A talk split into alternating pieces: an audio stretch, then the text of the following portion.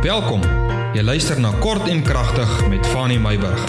Kom ons word kragtig deur die woord. Daar sê goeiemôre. Ons het gister afgeskop met rentmeesterskap spesifiek rondom tyd. Vandag praat ons rentmeesterskap spesifiek oor geld.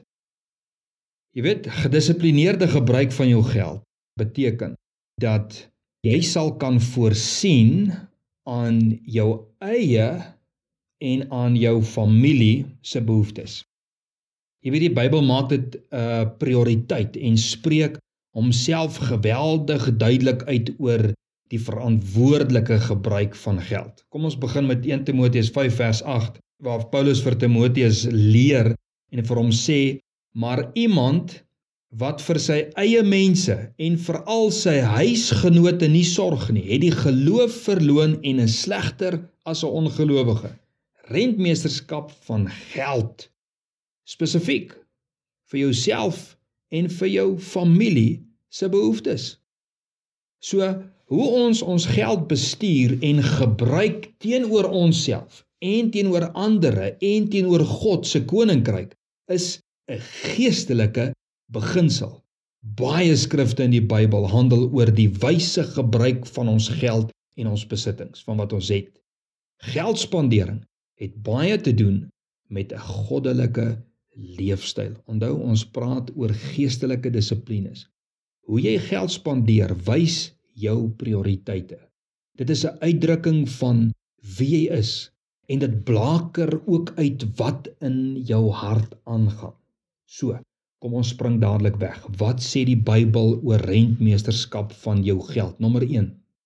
Wat jy besit behoort aan God. 1 Korintiërs 10:26 sê: Want die aarde behoort aan die Here en die volheid daarvan. Met ander woorde, alles op hierdie aarde behoort aan die Here. Jou geld behoort aan die Here. As dit dan so is, is ons mos bestuurders en rentmeesters van dit wat aan God behoort. Dink aan die verhaal van Josef teenoor Potifar en Josef teenoor Farao. Dit was nie Josef se eiendom nie, maar hy het die eiendom van die koning en die eiendom van Potifar het hy net bestuur. Gebruik hierdie selfde beeld en plaas jou in Josef se skoene teenoor God en sy koninkryk. Nommer 2. Om te gee, om hierdie geld wat jy het, om dit te gee is 'n daad van aanbidding. Hoekom sê ons so? Filippense 4 vers 18. Maar ek het alles ontvang en ek het oorvloed, sê Paulus. Ek het dit volop nou dat ek van Epafroditus ontvang het wat deur julle gestuur is. Hy sê en wat 'n lieflike geur is dit nie om so geseën te word deur julle nie. Hy sê dit is 'n welgevallige offer, welbehaaglik by God om te gee 'n daad van aanbidding. As jy die Ou Testamentiese offer hieraan sou koppel, sal jy sien dat Paulus die saai van geld in God se koninkryk as 'n vorm van aanbidding aan ons bekendstel. Dis nie net 'n plig nie. Inteendeel, dis glad nie 'n plig nie, maar is 'n vorm van aanbidding. Die volgende gedagte: om te gee is 'n refleksie van jou geloof dat God voorsien. Jy weet om aan God te gee is 'n refleksie van ons vertroue in God dat hy vir ons sal voorsien. Markus 12 vers 41, daar word 'n beeld van totale vertroue op God se voorsiening gesien. Dit is 'n vrou wat al haar geld opoffer in dankbaarheid en vertroue van God se voorsiening. Volgende gedagte rondom rentmeesterskap oor ons geld om opofferend en sonder mate te gee. Wie wat, dit gaan nie daaroor of jy dit kan bekostig of nie. Maar eerder soos Paulus getuig van die Macedoniërs wanneer hy praat in 2 Korintiërs 8 vers 1 tot 5. Hy sê ek maak aan julle bekend broeders die genade van God wat aan die gemeentes van Macedonië geskenk is. Hoor wat sê hy? Sê dat onder baie beproewinge en deur verdrukkinge hulle oorvloedige blydskap by hulle diepe armoede oorvloedig was in hulle ryke milddadigheid. Hy sê hulle het in 'n totale vorm van armoede in milddadigheid het hulle gegee want hulle was na vermoë. Hy sê ek getuig van dit.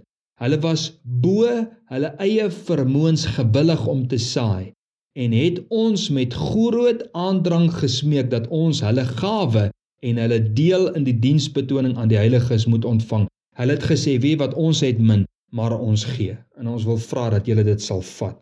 En het nie alleen gedoen soos wat ons verwag het nie, maar hulle het hulle self eers aan die Here gegee en toe aan ons deur die wil van God. Met ander woorde, om opofferend en sonder mate te gee soos die Macedoniërs. Volgende gedagte: gee is 'n refleksie van geestelike betroubaarheid. Hoor wat sê Lukas 16 vers 10 tot 12. Hier gee Jesus 'n beskrywing van geestelike betroubaarheid. Vers 10. Hy wat getrou is in die minste is ook in die groote getrou. Betroubaarheid met jou geld. Hy wat onregverdig is in die minste is ook in die groote onregverdig. As jy dan nie getrou was in die onregverdige mammon nie, Wie sal julle die ware goed toevertrou? En as julle nie getrou was in die ander se goed nie, wie sal aan julle julle eie gee? Jesus praat hier van tydelike rykdom en ware goed, ware rykdom, geestelike rykdom. Hy sê as julle in die tydelike rykdom nie betroubaar is nie, hoe kan God jou met die ewige goed vertrou? Het die gedagte? Volgende gedagte. Gee is 'n saak van liefde en nie wetisme nie. God of die kerk stuur jou nie 'n rekening nie. Paulus sê in 2 Korintiërs 8 vers 7: Soos julle in alles oorvloedig is in geloof en woord en kennis en alle ywer en in julle liefde vir ons, sorg dat julle ook in hierdie liefde daad oorvloedig is en daar praat hy oor finansies. Hy noem saai in God se koninkryk 'n liefdedaad. Dis nie 'n wet nie. Dis hoekom hy sê in 2 Korintiërs 9 vers 7, laat elkeen gee soos hy hom in sy hart voorneem. Dis nie 'n wet nie. Volgende gedagte. sien jou hardloop ons deur die gedagtes. Gaan luister hom weer dat jy hierdie gedagtes kan vasmaak in jou hart. Gee gewillig uit dankbaarheid en met blydskap. Kom ons kyk weer wat sê 2 Korintiërs 9 vers 7. Hy sê laat elkeen gee soos hy hom in sy hart voorneem. Nou kom dit. Hy sê nie met droefheid of uit dwang nie, want God het 'n blymoedige gewer lief. Moet nooit as jy iets vir God gee, dink of sê in jou hart ek wil eintlik nie, maar ek sal maar. Weet jy? Of aan God iets doen soos wat jy jou elektrisiteit betaal want anders gaan daar nie elektrisiteit wees nie of uit vrees vir vervolging gaan jy betaal aan God soos wat jy jou inkomste belasting betaal nie. Nee. Doen dit met blydskap sê Paulus. Volgende gedagte. Gee omdat daar 'n spesifieke nood is. Ons sien dit in Handelinge 2 en Handelinge 4 en in Handelinge 11 waar daar spesifieke nood was en dat Paulus, Petrus, apostels hulle gemaan het en gesê het hier is 'n spesifieke nood, kom ons saai in mense se lewens want daar is 'n spesifieke nood. Daarom ons wat het, kom ons gee aan die wat nie het nie.